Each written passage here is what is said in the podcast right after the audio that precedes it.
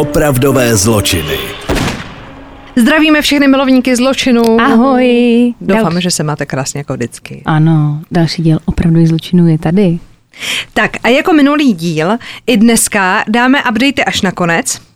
A začneme rovnou s příběhem. A, Kalenda... i, a i typy uh, na nějaké pokoukaníčko dáš nakonec? Možná bych to dala až Tak na jo. konec. Jakože bychom vyšli vstříc vám všem, co vás to nezajímá, vy to můžete pak vypnout po příběhu.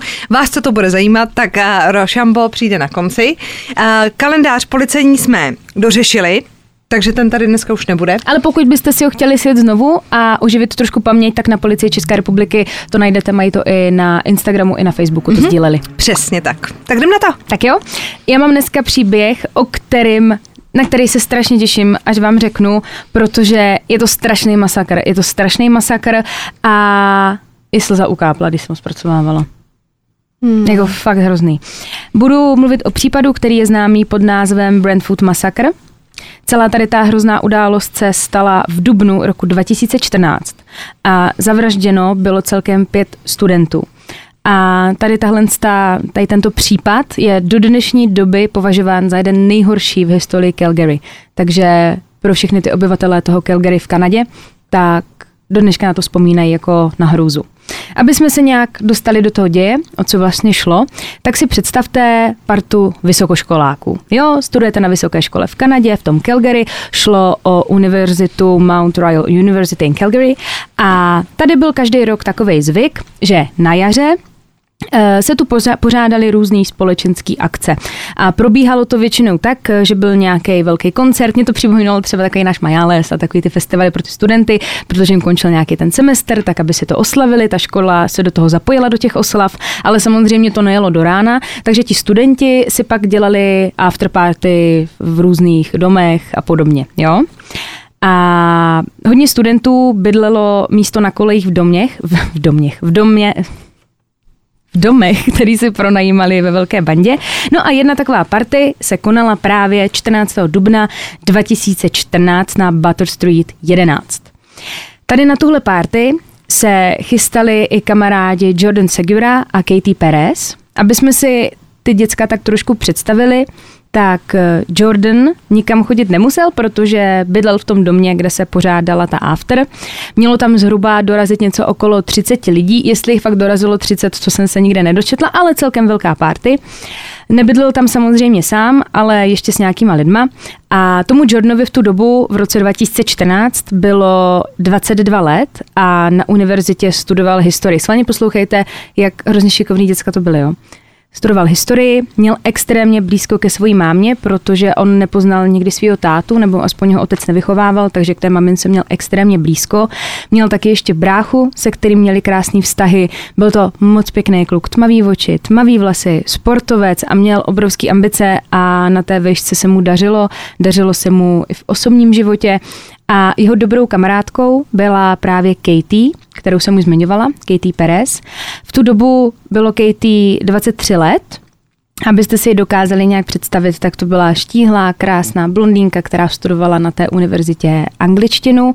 Měla dva sourozence, bráchu a ségru, kteří byli zhruba stejně starý a potom eh, jejich, její rodiče se totiž rozvedli, tatínek si našel jinou ženu, se kterou pak měli dítě a i ona s tou nevlastní ségrou malou měla moc hezký vztah. Takže i když to byla rozpadlá rodina, tak pořád ty vztahy tam, tam byly hezky jak ze strany od, otce, tak ze strany matky.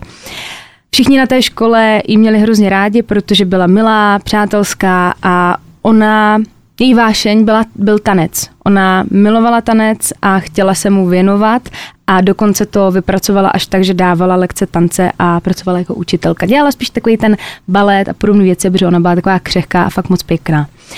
Tady ti dva ale nebyli sami, kteří se na tu afterparty chystali.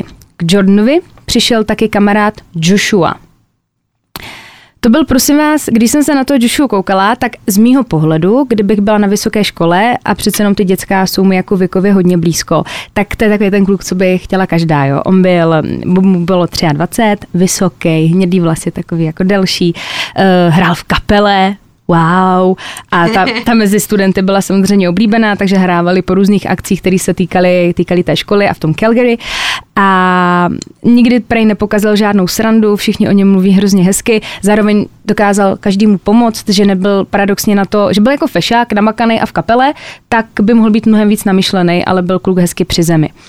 A on v té kapele konkrétně hrál na vící. Ha, tak bubenici. A vás možná našla nějakou fotku, jak on má tu kšeltovku dozadu a teď má ty hnědý vlasy a fakt byl takový velký a hezký.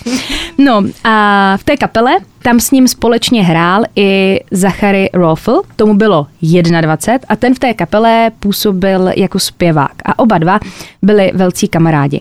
A ten Zachary, jen tak pro představu, tak ten studoval na Univerzitě umění a design, ten byl do toho umění extrémně zapálený a nevěnoval se jenom tomu zpěvu, ale hrál třeba i na kytaru, hrál na bicí, do toho maloval, chtěl být designér, takže měl obrovský plány. A tady ti dva kluci z kapely se o párty dozvěděli díky Jordonovi, kte, se kterým se ten Joshua dlouhodobě kamarádil. Jo? O já věřím, že se v těch jménech Joshua, John, bla, bla, bla, že se v tom budete ztrácet, ale nebojte se. Jo? Na párty jako pátý, který ho zmíním, eh, dorazil i Lawrence Hong, ten Lorenz nebyl původně Kanaďan, ale když byl malý, tak se s celou svojí rodinou přestěhovali z Filipín do Kanady. Já tuším, že mu bylo 6-7 let, takže tam žil fakt skoro celý život. Eh, v tuhle tu dobu v roce 2014 mu bylo 27 let a na té univerzitě studoval práva a byl ohromně, ohromně pracovitý a ambiciozní a já mám trošku pocit, jak oni, tím, že byl z těch Filipín, tak lidi tady z těch částí světa jsou podle mě strašně pracovití, že oni se dokážou fakt seknout a jedou. A žádný sociální život, prostě ne, já chci, já jsem prostě na škole, vážím si toho, tak musím fungovat, což přesně byl Lorenz, že on to chtěl někam dotáhnout a ne často úplně chodil na nějaký párty, že fakt se věnoval, věnoval tomu studiu a Rok 2014 byl pro něho zlomový, protože to byl jeho poslední rok na té univerzitě. Takže když přišly tady ty velké jarní oslavy, tak si to chtěl samozřejmě užít a pořádně to oslavit a trošku se odměnit za tu práci. E, I dokonce jeho rodina tvrdila, že ten Lorenz jako většinu času se jenom učil a ležel v knížkách a pracoval na počítači a že ta rodina pomalu ho musela nutit k tomu, aby se šel někam opít s kamarádama, že fakt byl hrozně zodpovědný. Tak toto je prosím vás pět studentů, kteří dorazili na párty. Nebyli tam samozřejmě sami, bylo tam i spousta dalších hostů a přišla tam jedna osoba, respektive jeden člověk, v tomto příběhu velice důležitý.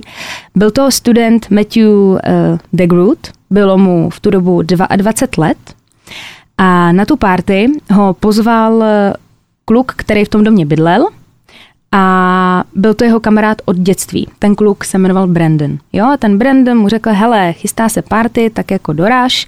Každopádně eh, ten Matthew, ten studoval taky na té univerzitě, studoval psychologii a prý za svůj vzor považoval svého tátu, který e, pracoval jako policista v tom Calgary. Jo?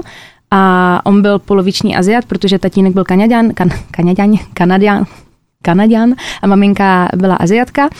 A a chtěl teda být jak ten táta, jenže e, i když na všechny působil jako slušný a nenápadný kluk, který zvládal školu a dokonce si plánoval i rozšířit vzdělání a byl přijat na práva, na který měl po létě, po létě nastoupit, tak už nikdo neviděl to, že se rozhodl experimentovat s drogama.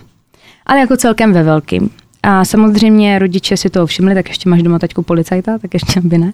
Tak si toho všimli a všimli si toho díky tomu, že se mu začala měnit úplně osobnost, že byl víc výbušný, mluvil často z cesty, začal být agresivní, začal těm rodičům odmlouvat a takhle ho ti rodiče vůbec neznali. Ale tuhle tu věc eh, ti studenti a jeho kamarádi vůbec nevěděli. Ovšem, když dorazil teda na tu párty, tak všichni byli překvapení, protože toho Matthewa nikdo za prvé moc neznal, znal ho nejvíc ten Brandon, který se s ním kamarádil už od dětství a ten Matthew byl známý tím, že on nikdy nikam nechodil že několikrát dostal pozvání na nějakou akci, ale nikdy nepřišel, takže byl to celkem šok, že přišel, ale spíš takový to Ježíš, tak super, konečně si taky dorazil, ty bláho. E, teď si řekneme takovou časovou osu, co se ten večer stalo a začneme právě od toho Matthewa. Matthew Eh, pracoval, uh, pracoval jako brigádník v jednom obchodě a měl tam směnu od dvou odpoledne do desíti večer. v tu dobu večer začínal ta párty.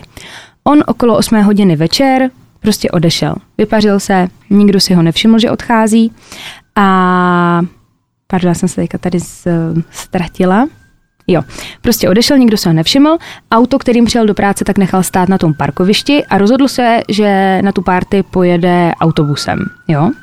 To, že není v práci, tak si jeho kolegyně všimla až okolo 22. hodiny a nejdřív se samozřejmě lekla, jestli se mu něco nestalo, jestli se mu neudělalo špatně a neleží někde ve skladě chudák. Tak mu začala volat, on jí nebral ten telefon a tak se rozhodla, že mu napíše sms jako kde vězí nebo jestli se něco neděje. A teď to přijde.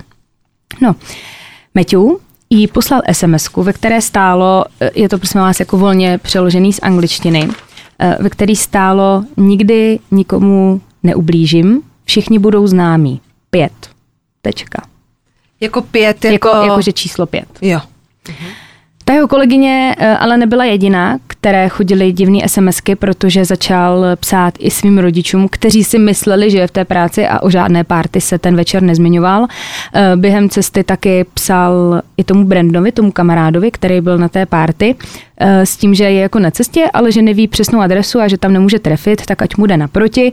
Tak ten Brandon se s ním sešel poblíž benzínky a ta benzinka byla kousek, to bylo pět minut pěšky do toho baráku. Takže se sešli a ten Brandon byl z toho Matthewa celkem takový nesvůj, protože se prýchoval strašně divně, že furt koukal za sebe, jestli je někdo nesleduje, měl takový různý tiky, byl strašně, strašně nervózní a rozrušený, což je jako divný, když jdeš na párty, tak máš, máš spíš ten ifer a už bych otevírala lahváča po cestě do toho baráku, než abych tam byla v nějakých schýzách, což mu samozřejmě přišlo divný.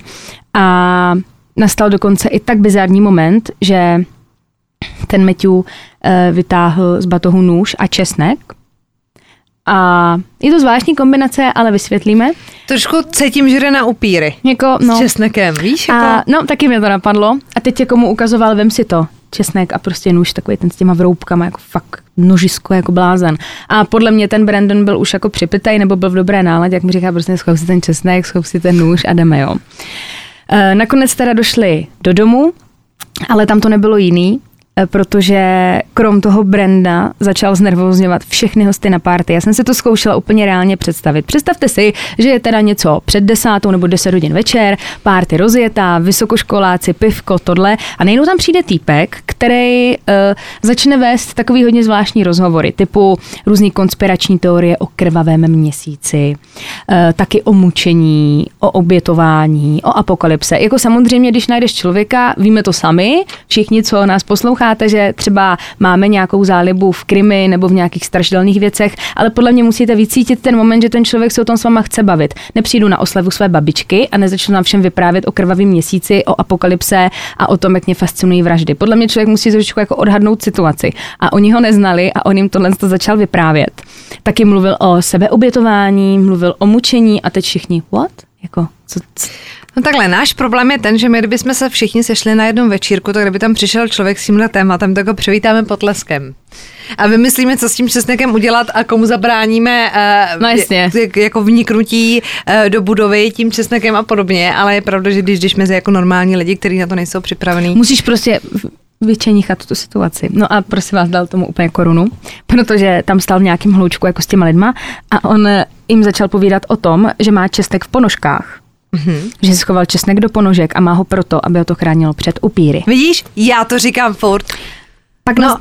evidentně, evidentně se mu nelíbil Edward ve stmívání. Evidentně, tady se někdo moc koukal na stmívání. Hmm. Pak dostal teda další schýzu a začal si nasazovat během toho večera takový ty gumový uh, rukavice.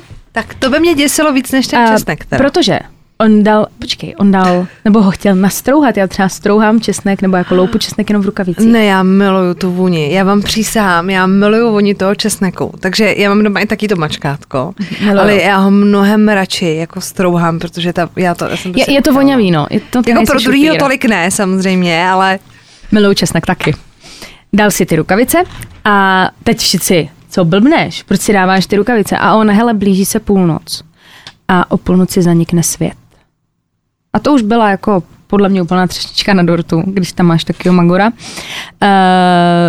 protože celý ten večer začali mít už lidi jako obavy, co se to sakra děje a co to je vlastně za člověka. A on jim teda neřekl, ale jak má ten svět skončit. Ne, ne, ne, on tam vedl jo. různé jako konspirační teorie. Takhle, takže ne, neměl jako jednu konkrétní, ne, ne, ne. co se stane. Jasně. No a jeden z hostů Uh, uh, pardon, jo, jeden z hostů byl i Daniel, který se s Matthewem bavil a on si řekl, že je prostě asi sjetej nebo opilej a potřebuje jít na vzduch a byl jako hodný, že si řekl, hele, už se tady nestrapňuj, jsi ožralej nebo sjetej, já tě vezmu na procházku. tak ví to, jako, každý jsme se procházel s kamarádkou, aby se nestrapňovala. Tak oni vzal před dům, procházeli se po ulici, snad jo, půl hodiny se tam procházeli, ale bylo to k ničemu, protože během toho, co chodili po té ulici, tak Matthew do něho furt valil něco o nějaké apokalypse, mučení, sebeobytování a podobných věcech. No a když se vrátili, tak ten Matthew chytl rapla popadl svůj mobilní telefon, hodil ho do krbu a pak ho z toho krbu vytáhl a začal ho uh, rozbíjet sekerou. V ten moment bych volala mámě, mami, ulice ta a ta, vyzvedni mě, prosím. Ale už by si jí volala z ulice jo. před barákem. Já jedu domů. Jako sorry, ve chvíli, kdy někdo vezme sekeru a začne cokoliv ničit, tak já nic nečekám a beru a jdeš, na ramena. A jdeš, no. Ale, ale zase my jsme taky uchyláci, že my bychom chtěli vidět, jak to dopadne. Já bych to Takže my jsme to točili Tady potom všem se dal do řeči s klukama z té kapely, kterým začal povídat o jeho práci, jako, že dělá v tom chodě a to a to. No a v tu dobu už ho taky naháněli jeho rodiče, protože měl být dávno doma, měl skončit té v práci, nebral jim telefony a nakonec jim začal psát moc pěkný SMSky těm rodičům, jo? Počkej, ale tomu teda ten telefon furt fungoval, když ho vytáhl z toho krbu. Asi to nebyl jeho telefon. No tak to je ještě horší. Já tam prostě, já jsem se dočetla, že prostě vzal telefon a hodil ho do Jo takhle, takže mi nejme, no tak jestli vzal ještě cizí, no tak to je to nejho, to je předpokládám to nejhorší, co se ten večer mohlo stát, že spádal někomu mobilní telefon, proto je u nás. Uh, začal psát těm rodičům, tohle to konkrétně. Věřte mi, právě, te, chápeš, ty napíšeš dětskou, hele, v kolik budeš doma, už se směl dávno vrátit. A ty, věřte mi, že právě teď je čas reinkarnace. Udělám taky jednou něco pro dobrou věc. Mami, přísahám ti, že mi nic není a nikdy neumřu a nikdo nikdy neumře. Hlavně pro mě nejezděte, nebo vy zemřete. A rodiče, dobře. V ten moment.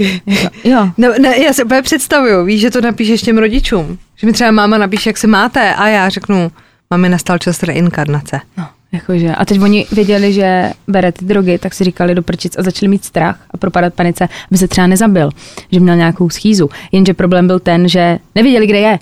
Tak se uh, taťka rozhodl, že pojede do práce, aby zjistil, jestli jeho kolegové něco neví. Tam našel jenom jeho auto, mezi tím mamka volala na tu, na tu policii. Jo? Tohle se dělo. Rodiče plašili a hledali ho. Mezitím probíhala pořád ta party v klidu dál nebo spíš eh, ignorovali Matthewa a chtěli si ten večer užít.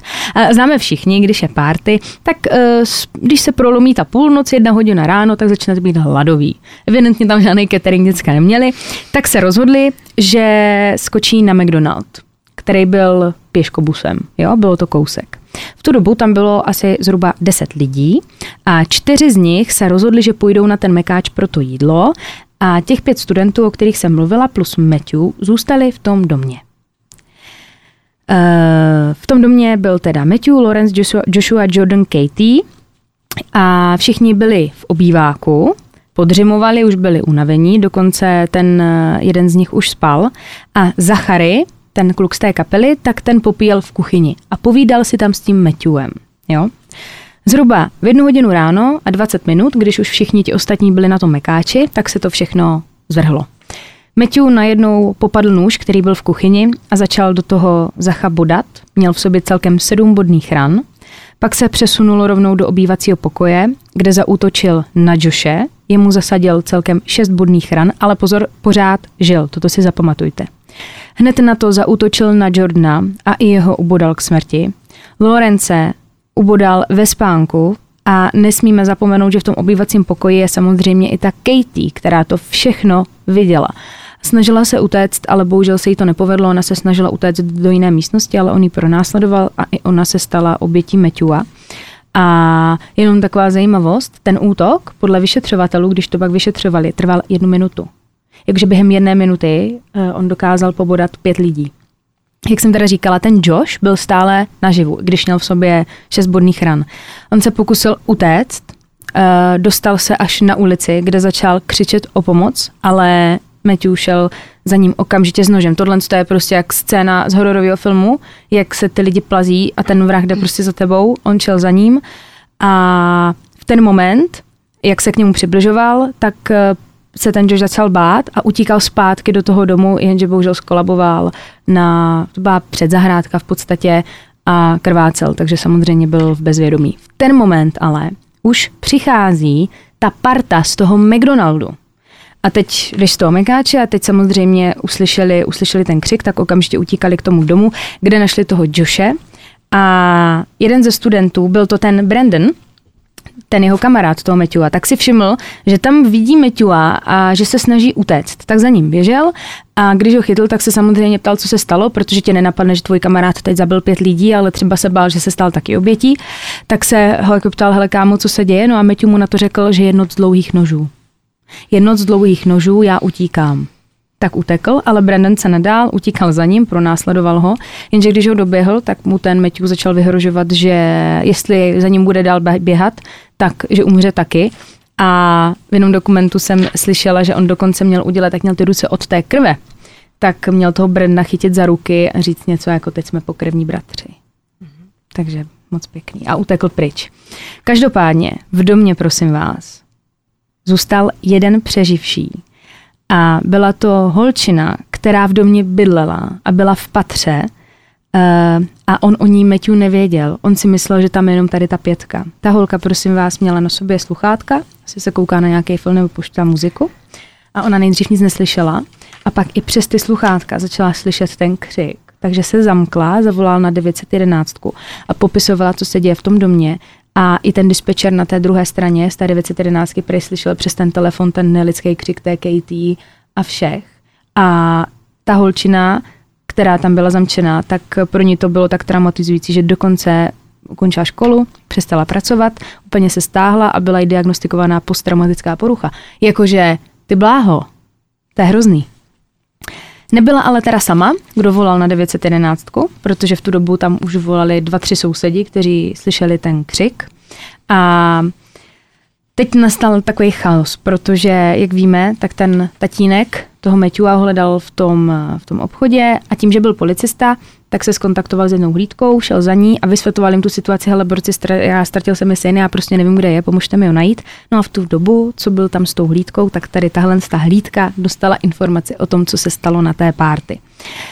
Když dorazila policie na místo, tak nejdřív narazili na Joše, který ležel před domem v kaluži krve v domě pak našli mrtvého Jordana, Zacha a Lorence. Když našli Katie, tak ta byla ještě naživu, ale bohužel jí už v nemocnici nedokázali pomoct.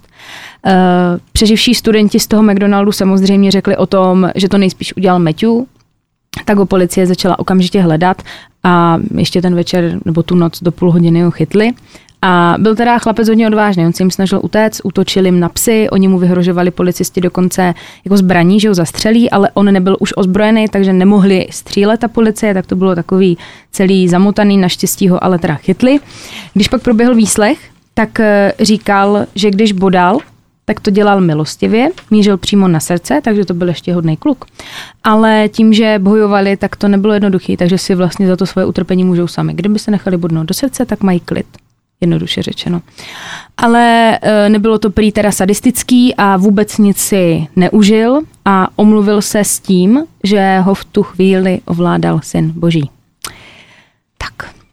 Pár dní později začal Matthew mluvit trošičku jinak a tvrdil, že to celý byla sebeobrana. Šlo o to, že on je prej musel zabít, jinak by zabili oni jeho, protože to prostě nemyslíš. Protože všichni byli součástí iluminátů, medus a vlkodlaků. A Satan mu prý řekl, že je syn boží a je reinkarnovaný Adolf Hitler. A já se ptám, může to být ještě víc, jako mimo? Tam je nejhorší, že s tím nic neuděláš. Ne. Ten člověk jako tomuhle věří, no tak tomu z té hlavy jako Ale meduzy jsme tady ještě neměli. Meduzy ne, no. Eh, krátce eh, před vraždami pak ještě policie zjistila, že dával celkem hodně zvláštní příspěvky na svůj Facebook. Bylo to něco podobného, jak psal v těch SMS-kách, prostě věty, co nedávaly smysl no, a byly creepy. A jsme zase u toho, že jasně, tak teď si budou všichni říkat, no ale tak to bylo varující, to bylo alarmující, on se choval divně, ale nemůžete lidi zavírat do bláznice jenom proto, že prostě plácá nesmysl na Facebooku, že jo? Přesně tak, no. Jako lidí, co plácají nesmysl na Facebooku je 90%. To by byla půlka národa zavřená. Ano, a druhá, a, a ta půlka, která plácá ty nesmysly, tak uh, ta kraluje YouTube, podle mě. Ale. Jo, no. To jsou taky ty tři s těma nejlepšíma komentářema. A dokonce ještě se v jeho historii vyhledávání na počítači našlo, že často hledal jméno Adolf Hitler nebo Antikrist, takže tak. Uh, každopádně, uh, samozřejmě pět studentů zemřelo, pozůstalí, muselo to být pro ně hrozný a já jsem sledovala, protože jeho tatínek byl samozřejmě policista, že obrovský halo, jo, že prostě v Calgary syn policista z Calgary prostě zabil pět lidí. Uh, měli tiskovou zprávu krátce tady po tom masakru, kde jeden z policistů říkal, že uh, ta rodina toho Matthew a uh, samozřejmě naprosto, že jim je prostě líto těch pozůstalých, těch, co zemřeli, že jim to je moc líto, ale ať je nechají na pokoji, protože samozřejmě ty média a ty lidi asi vůči nim měli nějakou nenávist. Prosím vás, ten otec toho Matthewa nakonec vystoupil před novináře. Já jsem měla husí kůži. Já jsem v životě neviděla člověka na kameru, který by byl jako víc v háji. Borec prostě přišel před svůj dům a hrozně se mi na něm líbí to, že to není Helena, jsi mi to nikdy neudělal. Ne, on to prostě přijmul, že to udělal a on tam stál se svojí ženou a fakt si to najděte, puste si to, je to strašný. On tam stojí a teď se začíná tak jako lehce třepat, u toho mluví a on se pak dostane do takové fáze, že to jeho tělo se třepe, jak kdyby byl na nějakým vibračním páse. On se prostě celý třepe, že nedokáže ani stát, jak to pro něho bylo jako hrozně stresující a říkal tam právě, že mu je líto obětí, je mu prostě líto těch rodin, že naprosto to chápe, ale že teď je nejdůležitější zjistit, proč to ten jejich syn udělal. A on tam říkal, můj kluk měl jít prostě na práva na podzim. Samozřejmě byly tam nějaký problémy, ale nic nenasvědčovalo tomu, že by byl schopen tady tohodle, takže on se chtěl spíš dopídit tomu, proč, vlastně proč. Ale fakt jsem neviděla asi tak zlomeného člověka na videu. Neviděla jsem, nikdy. Jsem ne, ani naživo jsem neviděla tak zlomeného člověka, jako hrozný. Uh, jak už jsem říkala, tak eh, tento čin je nejhorší v historii Calgary a po té vraždě, tak dokud nebyli všichni pohřbeni, tak eh, všechny vlajky, co tam jsou v tom městě, tak byly jen na půl žerdi. Eh, všichni teda byli pohřbeni do konce dubna 2014 a zrovna 30. dubna měl Lorenz oslavit 28. narozeniny. To byl ten právník z Filipín. A na jeho počest několik veřejných dopravců v Calgary sehnali peníze na vlastní náklady, dali prachy dohromady a vytvořili speciální, nebo zavedli speciální autobusovou linku, která vozila studenty z univerzity na ten hřbitov, kde probíhaly ty pohřby. A jmenovalo se to Lawrence Hong Express, mm. takže to bylo takový hezký. Zach a Lorenz tak dostali posmrtně diplomy, protože to byl jejich poslední rok. A teď se přesuneme do 22. května, to, mě, to měl za sebou Matthew veškerá vyšetření od psychiatru, protože když probíhaly ty výslechy a člověk tam mluví o menuzách a satanech, tak ti asi dojde, že ten člověk nebude psychicky úplně v pořádku, tak eh, byl prohlášený nakonec za zdravého, takže mohl být souzen. 16. května 2016 tak proběhl soud. Ta soudní, som, so, soudní síň byla tak plná, že novináři dokonce dostali povolení, že mohli sedět, sedět na místě poroty, že prostě mm-hmm. mezi porotama byly, byly ty média. Uh, jeho právníci se to snažili uhrát na to, že si nebyl vědom toho, co dělá, že nemůže být souzen. U soudu do to, dokonce vytáhli lékařský posudek nějakého lékaře, který ho zkoumal těsně po té vraždě, snad pár hodin potom, a ten tvrdil, že má teda schizofrenii. Žalobce u soudu vytáhl SMSky, který poslal Matthew své kolegyni v práci, kde psal o tom čísle 5, což by mělo potvrzovat to, že to byl promyšlený čin několik hodin dopředu. Nakonec to ale bylo k ničemu. No a skončilo to můj milý tak, že nebyl souzen před soudem, protože soud uznal, že opravdu si nebyl vědom toho, co dělá. Umístili ho do psychiatrické léčebny a v roce 2018 ho přemístili do léčebny v Edmontu, kde mu povolili vycházky pod dozorem dospělého, což jsou jeho rodiče.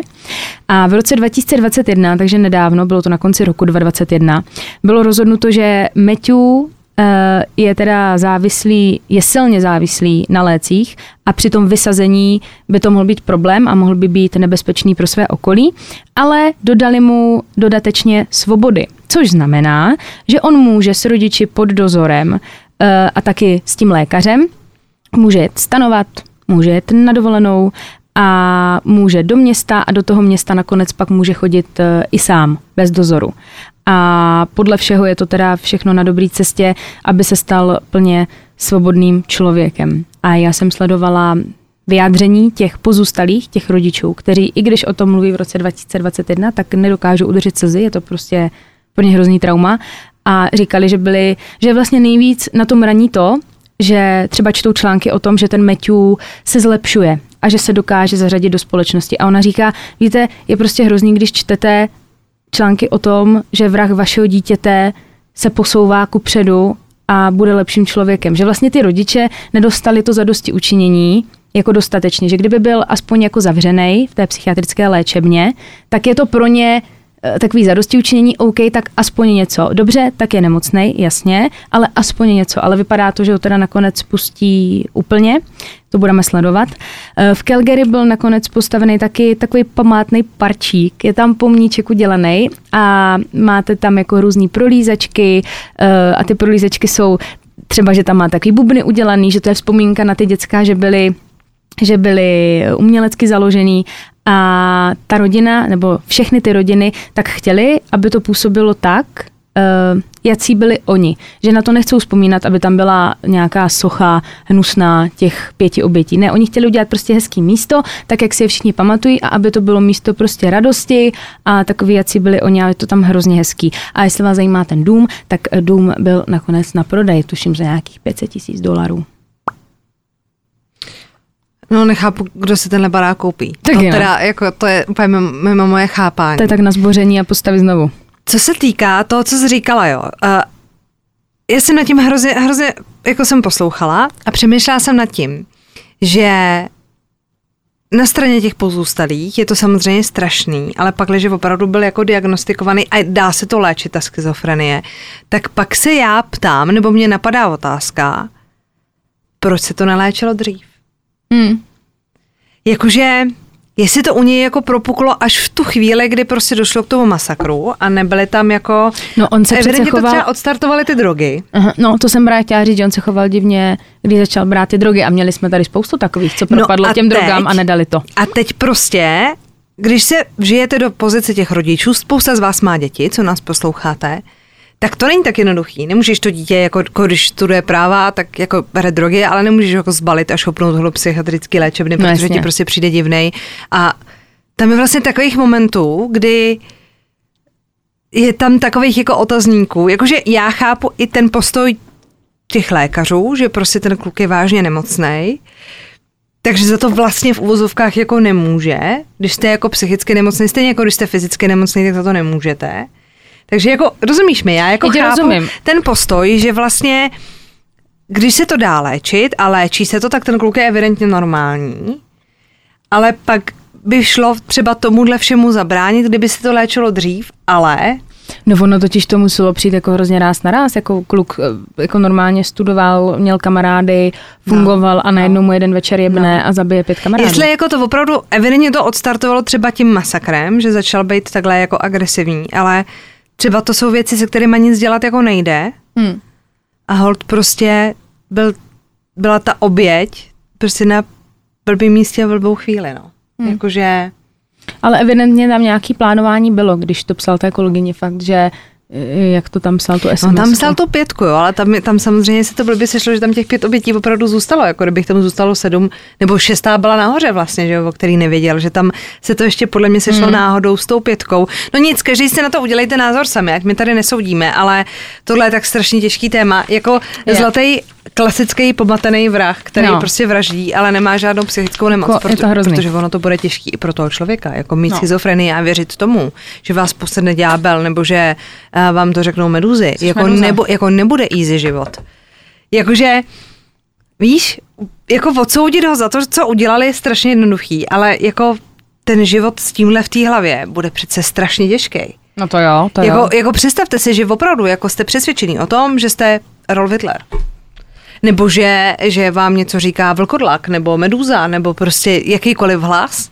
Hmm, to si, no, to je hnus. Jakože ten život stejně nikdy nebude plnohodnotný. Jako i když, i když se nějak jako začleně, tak jde jako na procházku s rodičema, no ale nebude to asi jako, že si jdete dát jako pizzu a do kina. Víš, jako abyste si to jako užili. Mm, Kdo ví, jak to probíhá, no celý. No udělejte si na to názor sami. Ano, a já mám pro vás příběhy. Dva, Tak jdeme na to. dva. Slovy dva. Tak, já pro vás mám dneska dva příběhy a jsou dva, protože jsou trošku kratší. Já nevím, že já si vždycky vyberu prostě nějaký příběh, který se tváří jakože wow, bude super dlouhý a pak je, takhle, jsou super nabitý a myslím si, že jsou jako super dobrý. Stejně jako tvůj masakér. Tak uh, mám, začnu teda příběhem chlapce. Mm-hmm. Jo, uh, je to celý o tom, že logicky, když třeba by se tady Brunka zranila, nebo já bych se zranila, tak uh, předpokládejme, že si navzájem zavoláme sanitku. Nebo si nějak jako pomůžeme. Ale ne každý reaguje takhle hezky a logicky. A třeba Robert Keith Tincher třetí, evidentně si přidávali jméno z pokolení na pokolení. Jo? Ještě, že já nemám třeba jméno po svém otci, já bych byla Dobroslav. že jsme byli Dobroslav a Bára. Dobroslavka Do, Dobroslávka třetí. Eh, díky, pane bože, rodiče za to, že jste mě pojmenovali, tak jak jste mě pojmenovali. Tak eh, Robert Keith Tincher třetí našel svoji babičku zraněnou v prosinci 2021. Babička se jmenovala Doris Cumming a upadla a její vnuky našel bezvládně ležet na zemi. A místo toho, aby zavolal na linku 911, taky prosím vás zabalil do igelitového pytle a strčili do mrazáku. Ano, slyšíte dobře. Aby té hrůzy nebylo málo, tak eh, mrazák měl Robert doma až do března roku 2022. Pak si teda možná řekl, že je na čase ho přestěhovat, že mu to, To možná trošku překáží. No počkejte, to, to detaily budou dobrý. A rozhodl se, že ho přestěhuje do skladovací jednotky a tam pak teda policie a, okresu Floydu v Georgii najde tělo téhletý nebohý starý paní. Zmizení babičky nahlásil jeden z příbuzných, který teda připustil, že se možná Doris přestěhovala do jiného státu, že to měla údajně jako v plánu, ale že se jim jako nepozdává, že se neozývá. Mm-hmm. Že to není jako úplně normální. Mě teda překvapilo i to, že jí bylo 82 let a chtěla by se jako stěhovat. Jakože... Byla na, když- na Erasmus byla babča třeba. Evidentně, víš, jakože já nevím, když to vezmu k, k, jakoby, nebo vztáhnu na svoje prarodiče, tak uh, ti už jsou rádi, že jsou rádi. No. a mají rádi svůj klid na to, že se jako balit a někam stěhovat, ale každopádně prý to měla jako v plánu. A tak zavolali na to policii, že se jim to moc jako nepozdává, takže policie začala pátrat. No a později teda nachází to tělo pohřešované důchodkyně v tom mrazáku v těch skladovacích prostorách. A kdo jim dal tip na ty prostory, nevím, nenašla jsem to, ale předpokládám, že šli jako po nějakých rodinných jako statcích, ty, ty skladovací prostory máte na jméno pronajatý a tak dál.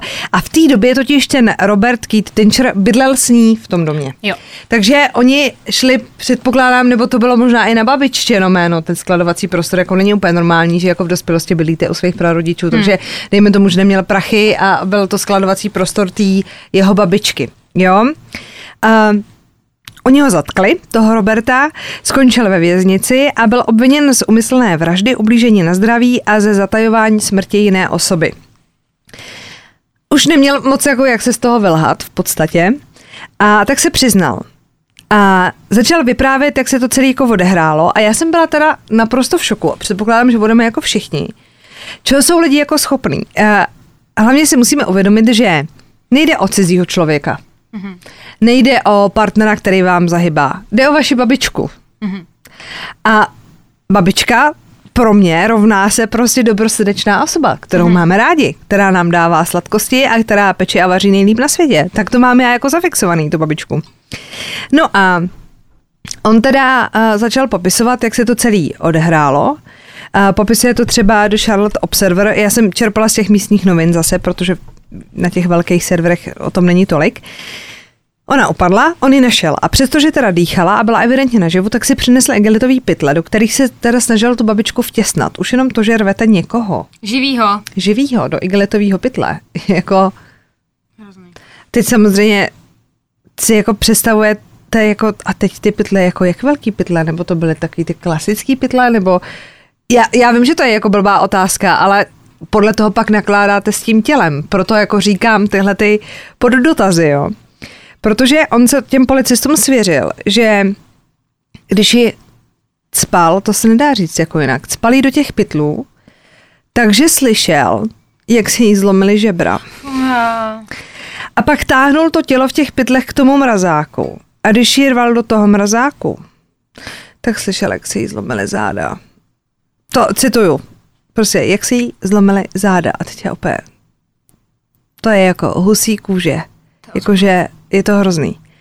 A on i sám popsal, že žena dýchala a mírně se hýbala, když zavíral ten mrazák. O můj... To je hrozný. Chápete to? Babička. Nechali tam. Uh, a teď. Proč? Musíme se ano dobrat k nějakému motivu. Proč? Byl pod vlivem, prachy, nebo prostě se pohádali, nebo mu chtěla něco zakázat, chtěla ho vyhodit. Na tomhle příběhu je za mě úplně nejhorší věcí to, že se nestalo nic. Nic. Nic. Jako naprosto nic. Robert řekl policii, že se svojí babičkou měl velmi dobrý a vřelý vztah, že byla laskavá a jako jediná z rodiny mu věnovala pozornost a dávala mu lásku, kterou potřeboval. Pozor, jsme v dubnu 2022. Robert Tincher zůstává ve vězení a podle novinových článků se zbytkem té rodiny nemluví, což se asi nedivíme, ani jim to jako nevysvětlil, ani se jim neomluvil. Úřad pro vyšetřování v té Georgii nařídil províst pitvu, Doris Cummings, eh, aby bylo jasný, kdy a jakým způsobem teda zemřela, ale zatím se policie přiklání k té variantě, že, že nemohla žít, kdyby jí ten vnuk zavolal teda lékařskou pomoc. A teď se dostáváme k tomu. Ta policie totiž samozřejmě pátrala, šátrala, protože oni vždycky vyperou vaše špinavý prádlo, když se něco takového stane. A zjistilo se, že on nebyl úplně jako čestný v historii. Jo. V roce 2018 byl milý Robert Tincher zatčen za to, že se pokoušel sehnat nájemného vraha, který by zabil jeho manželku. A protože nebyl úplně hlava mapa a promovaný inženýr, tak si s tím potenciálním vrahem svý manželky psal na Messengeru na Facebooku. Chápete, jo? Chápete. Lumen a čelil za to trestnímu stíhání, protože se to provalilo. Ona ta manželka pak jako řekla, že on jí přes ten Facebook ještě vyhrožoval, takže prostě všechno se to dalo dohledat. Jako, pojďme si říct, že Robert úplně všechen rozum světa nepobral. A po vznesení toho obvinění za to, že se pokoušel sehnat vraha svojí manželky, se nedostával k soudu. Mm-hmm. Takže byl jakoby furt hledaný a mělo s ním být za, započato trestní stíhání, ale to nebylo, protože on prostě se schovával. A proto se bál zavolat na linku 911, protože by mohla policie zjistit, že má čelit trestnímu stíhání. A co třeba zavolat na linku 911, nechat otevřený dveře a utéct? Veď? Nevím, já bych... Taky jsem si to... No ale zase se dostáváme k tomu bodu, že Robert moc toho rozumu nepobral. To je strašný. No dobře, ale tak jako já bych... Jako v tomhle případě, když jsi jako... Pardon, jsi dement. Hmm. Jako to jsi dement. Kdyby třeba utek. No teď jo, já... A jako i kdyby v tom šoku třeba nezavolal, protože by se bál, že vystupují jeho číslo, tak běžel někam k budce. Já nevím, jestli tam ještě jsou, u nás třeba telefonní budky už neexistují. Mm. Tak já nevím, tak... Um... Vezmu mobil babičky, babička má určitě mobil. No. Zavolám 911. A uteču. Nechám je mobil u hlavy, otevřu dveře do bytu a utíkám. Ale on je fakt kripl. Tak on by neměl kde bydlet, že jo, protože evidentně jsem schovával, no prostě Ježíši Kriste, ale i tak, no tak dobře, tak by měl trestní stíhání, dostal by podmínku. Aha. Za to, že prostě vyhrožoval, řekl by, že prostě nevím, byl opilej pořád, když to řešil s tím, no cokoliv prostě. Ale nechat jako zabít babičku, kterou máte rádi, protože se bojíte, že prostě půjdete, no, takhle. Frér prostě Máme tady prostě dementa dne. Já bych řekla jiný slovo, ale to tady máme zakázaný, protože se tak někteří lidé jmenují. Jo. Takže dement dne. Jo? A když jsme u toho manželství a u těch vrahů, jo, tak mám pro vás další příběh. A ten vás ale pobaví. Nebojte se, tohle bylo příšerný, příšerný, příšerný. Uh, co se týká soudu a dalších těch, budeme to sledovat, přineseme updaty. Bylo to čerství, ale jako babička v mrazáku mě přišla natolik zajímavá, že jsem si říkala, že byste o tom měli vědět. Pokud máte svoje prarodiče, babičky, zavolejte jim, řekněte jim, že je máte rádi.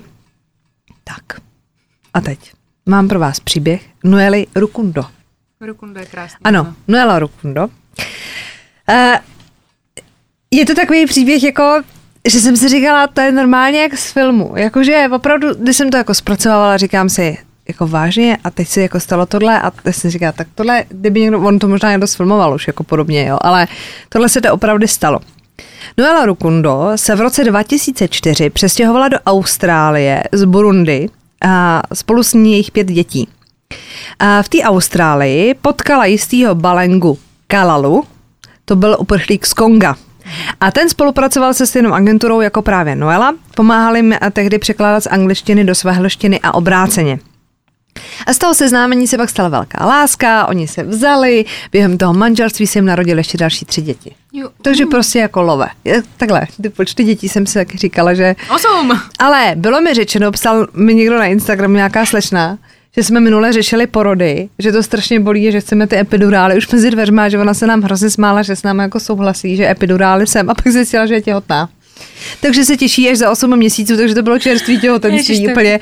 Až za 8 měsíců si bude pro ten epidurál, že bude jako myslet na nás. Takže Hezký. já se do toho těhotenství nepouštím, prý to nemáme říkat, aby zbytečně, nebo zbytečně, aby nám ty lidi jako netěhotněli ve velkým. Ale zase, když si povedete ty děti potom ke zločinožroutství, jako k poslechu, ne k tomu, že budou Ne u nás, a, tak v pořádku. V pořádku. Ale u poslechu našeho podcastu asi nikdo neplodí děti, ne? Co ty víš? Já bych teda asi u poslechu nás dvou ne. No to je jedno. to je jedno. Každý svýho štěstí. Dělejte si to, jak chcete. Hlavně nás poslouchejte, že jo. A tenhle ten příběh mně přišel jako hrozně hezký, že si říkáš, tak to je takový jako fajn, že vlastně i když jsi jako imigrant a, a dostaneš se do té cizí země a, a vlastně ty začátky jsou jako těžký, to není jako, že se odstěhuješ z Prahy do Brna, ale prostě opravdu do jiné země, teď ten jazyk, že jo, teď se k tobě budou nějak chovat ty lidi a že vlastně můžeš najít tu lásku a začít tam jako znova. To mně přijde jako hrozně hezký. Ale tenhle ten příběh teda fungoval až do roku 2015, kdy ten Balanga začal svoji ženu podezřívat, že ho podvádí.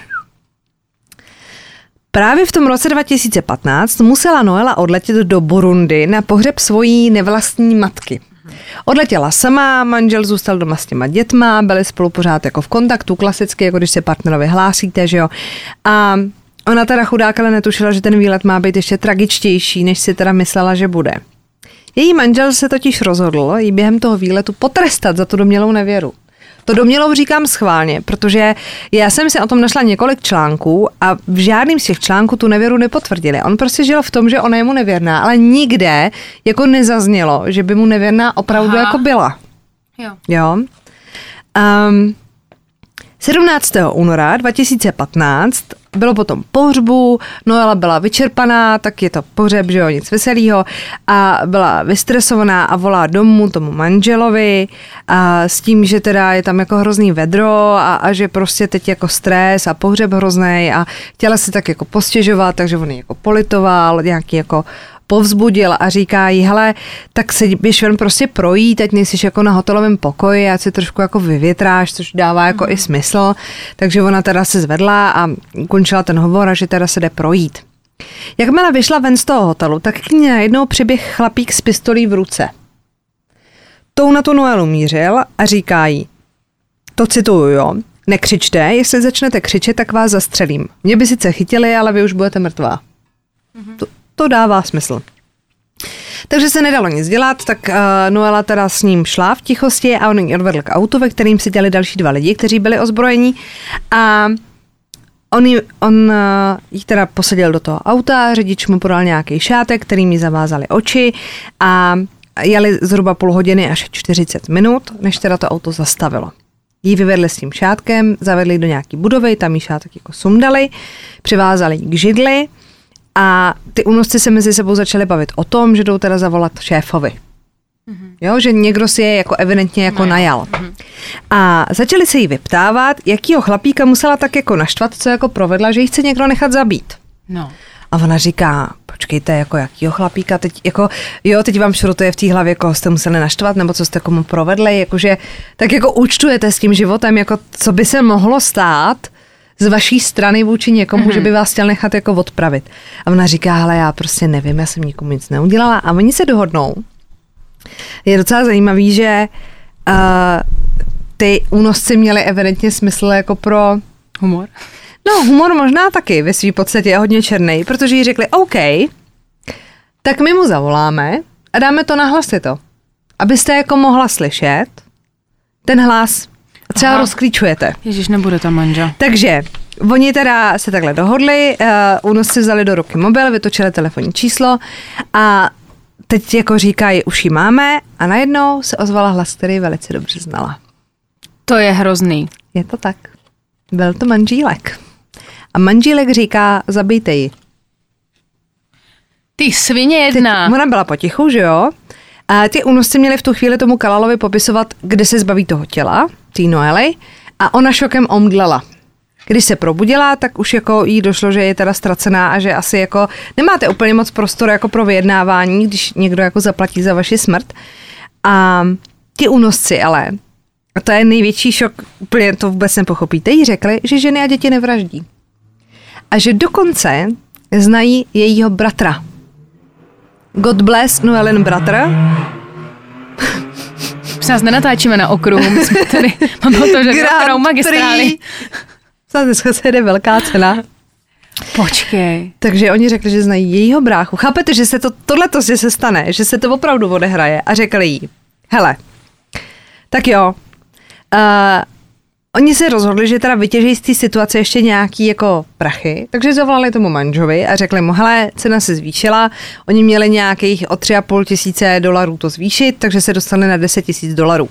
A frajer, OK, pošlu vám ty prachy a oni že ji teda zabijou. Ježíš, oni jsou skvělí ti únosci. Nechali ji v tom zajetí ještě dva dny, pak ji odvezli někam na krajnici prostě k silnici a vyhodili ji ven s tím, že jí dali na cestu velice hezkou výslužku. Dali jí důkazy proti jejímu manželovi, Krist- na SD kartě nějaký prostě záznam hovoru a potvrzení o převodu peněz přes Western Union, že manžílek opravdu cáloval a že to tím pádem myslel vážně. Ale řekli jí, hele, dáváme ti 80 hodin na opuštění země, nevím proč zrovna těch 80, ale jako by měli pravdu v tom, že ne každý bude tak hodný jako oni a že když by se provalilo, že ona žije během té cesty, tak si ji ten manžel bude chtít zbavit. Nebo Jako, že chtěli to myslel opravdu vážně. Třeba no, jakože. Máš 80 hodin na to. Jo. Každopádně, ten mezi tím věřil, že je jeho žena po smrti a stal se vdovcem. Logicky. Rodině doma řekla, že chudá, která Noela zemřela ve svý rodné zemi při nehodě. Takže celá ta africká komunita v té Austrálii ho teda jako litovala a dělali nějaké jako setkání a, a protože prostě mu zemřela ta manželka prostě. Hm, A teď jenom. Noela na pohřeb. Ej! No, po propuštění těma únosema ono to nebylo tak jednoduchý. A Noela zavolala nějakému svýmu známému pastorovi do Melbourne a tam teda byla noc, takže ho jako zbudila a teď mu jako vysvětlovala, jak se věci mají. On jí poradil, aby kontaktovala keňský a belgický velvyslanectví a oni pak pomohli s návratem domů, což ona byla, že jo, bez dokladu, bez všeho, evidentně, že to měla na tom hotelovém pokoji. To se povedlo, Žena se vrátila do Melbourne 22. února 2015. Na nic nečekala a zamířila rovnou domů. No, šla k tomu baráku a zjistila, že manžel není doma, protože v tu chvíli probíhala vzpomínková bohoslužba za ní. To je ironie. Tomu říkám ironie. Takže na svůj pohřeb teda nepřišla, ale vzpomínkovou bohoslužbu se rozhodla vydat.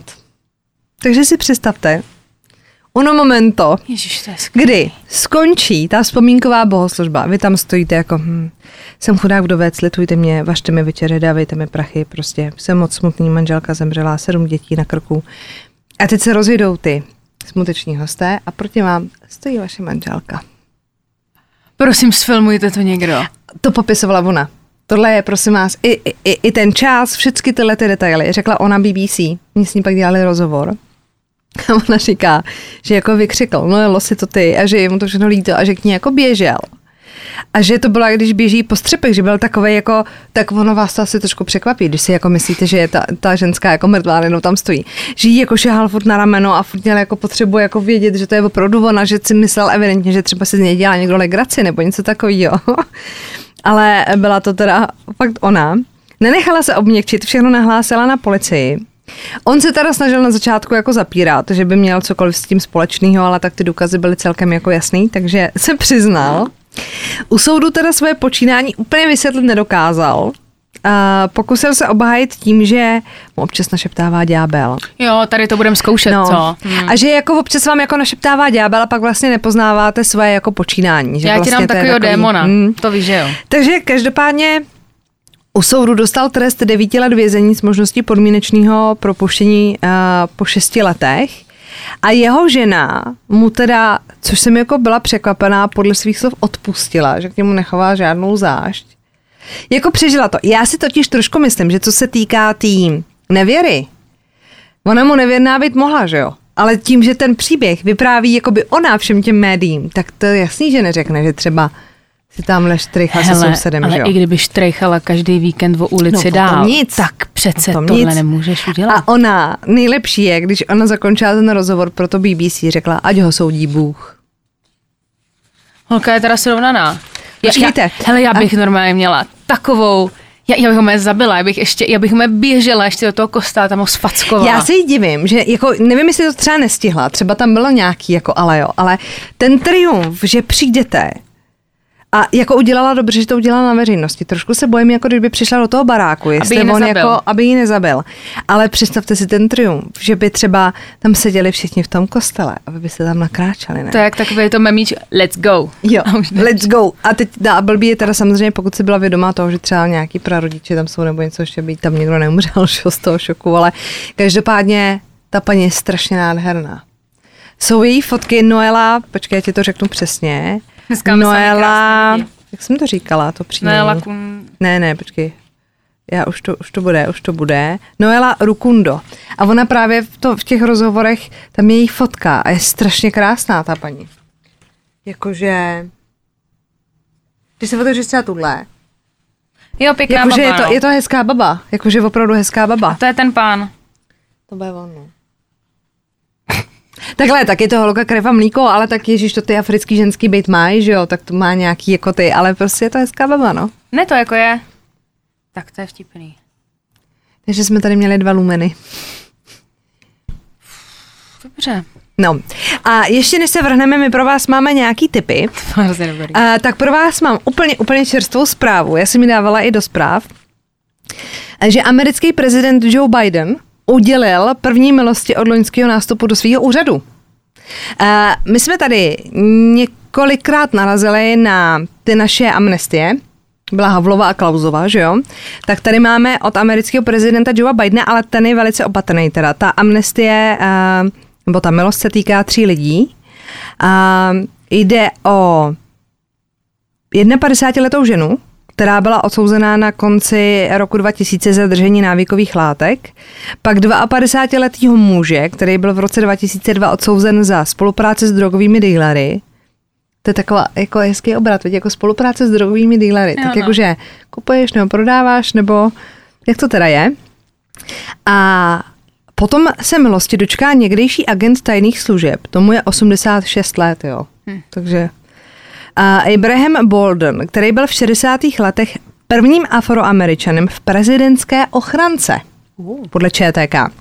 A v roce 1964 byl obviněn z toho, že se snažil prodat kopii tajných dokumentů a několik let strávil ve vězení. Po celou dobu trval na své nevině. Tak toho pustěj. Uh, no takhle, jestli byl obviněn v roce 64, tak dejme tomu, že ho za dva roky mohli zavřít. Od 66. sedíš jako do roku 2020 ve vězení. Jako, jo. Ale to jsou takový amnestie jako díleři drog a přechová, jako Ale tak to je v pořádku. To mě, tak je to prostě v pořádku. A čím se neřídili třeba ti naši dva a předchozí prezidenti, to jim často vyčítáno ze Hmm. strany policie, to ať si jako zeptáte asi jakýkoliv kriminalisty, tak tyhle ty dvě amnestie nebyly úplně dobrý. A je tady, že ze 75 lidí, kterým Biden zmírnil trest, si většina odsloužila v průměru téměř 10 let za mřížemi. On tři teda omilostnil úplně a těm 75 ho snížil. Odsouzeni byli za nenásilné drogové přečiny a prokázali, že mají zájem znovu se plně začlenit do společnosti, Mhm. podle toho, co teda uvedl Bílý dům. A tady je hrozně zajímavá statistika, jo, kterou uh, zveřejnila agentura Reuters. Teď trošku počty. Já to budu citovat, nebudu se do toho zaplítat. Matematika není moje silná stránka. Obyvatelé Spojených států tvoří méně než 5% lidské populace. Jo. Ale vězňů mají Spojené státy pětinu z celosvětového počtu. To je brďo, no. Ale věříme tomu, protože vem si vlastně kolik příběhů. Dneska teda jsem třeba výjimečně měla tu Kanadu. Mm-hmm. Ale, Ale ta Amerika bývá velice často. ale Amerika je hrozně často a paradoxně jsem i jako v šoku, když se bavíme nebo o té Austrálii. Jako že je nějaký jiný stát, že se vraždilo. Já to prostě beru tak, že v Americe jsou veškeré vraždy. A tady vidíme, že to není tím počtem lidí jenom. Mm. Ty bláho. Takže to byla jen taková jako aktualitka. A ještě než dáš tip na tvůj seroš, budeš hledat, nebo můžu ještě? Je, můžeš, můžeš. Uh, já jsem to posílala i Barči, jako ty, nevím, jestli jste si to už pustili, uh, tu anatomii. To jsem neviděla ještě. Neviděla, takže prosím vás. Anatomie skandálu se to jmenuje. Je to minisérie, je to moc hezky obsazený. Hraje tam i můj oblíbenec, který stvárnil Petera v seriálu Homeland. A je to takový jako o nevěře, ale v podstatě se do toho počítá tak jako lehce mýtů, ale je to, jako do, je to dobře udělaný. A i se mi líbí, jak je to jako natočený, jak se to časově jako prolíná ty situace a podobně. A opravdu to dáte na jeden zátah. Jo. A na tom je skandálu, je to fakt dobrý. A já ještě, ještě nám někdo psal, na to už jsem začala koukat, už jsem uh, asi u druhého dílu, uh, výpověď Edmunda Kempra. Mají to taky a je to skvěle udělaný. A já teda s čeho jsem byla v šoku a to byl fakt takový ten dokument, má dva díly. A je to o muži uh, Jimmy, Jimmy Saville. Viděla si to? Mm-hmm. To prostě, já jsem na to koukala a říkám si, bože, co to je za člověka? Je to prostě člověk, miláček Anglie, řekla bych, který se hlavně proslavil, který měl pořád na BBC, jmenovalo se to Jimmy to zařídí a on eh, tam vlastně plnil děti přání, dětem přání a pak vlastně na něho vyplovalo na povrch. Počkej, počkej, nespoileruj. Ne, to není, to se ví. Ne, jo, ne, jenom abys nespoileroval. Protože on, on, on je tím jako známý, to já jsem věděla i předtím, než jsem to pouštěla, eh, Aha. že zneužíval děti. A první díl je o jeho životě a druhý díl už je o tom skandalu. Podle mě to mohlo být trošku kratší, že už jsme se tam moc jako motali, ale seděla jsem a já prosím, jako tenhle člověk. Protože já ty jsi to fakt věděla, já jsem do poslední chvíle čekala, co na něj praskne, proto jsem říkala nespoiler, ne, ne, ne, to, já to, to třeba vše, nevěděla. To je všeobecně, jako, z- já ho jako znala, no, ale nevěděla vůbec jsem, ne. že byl tak známý. Hmm. Takže To si dejte, to si dejte, je to brutální.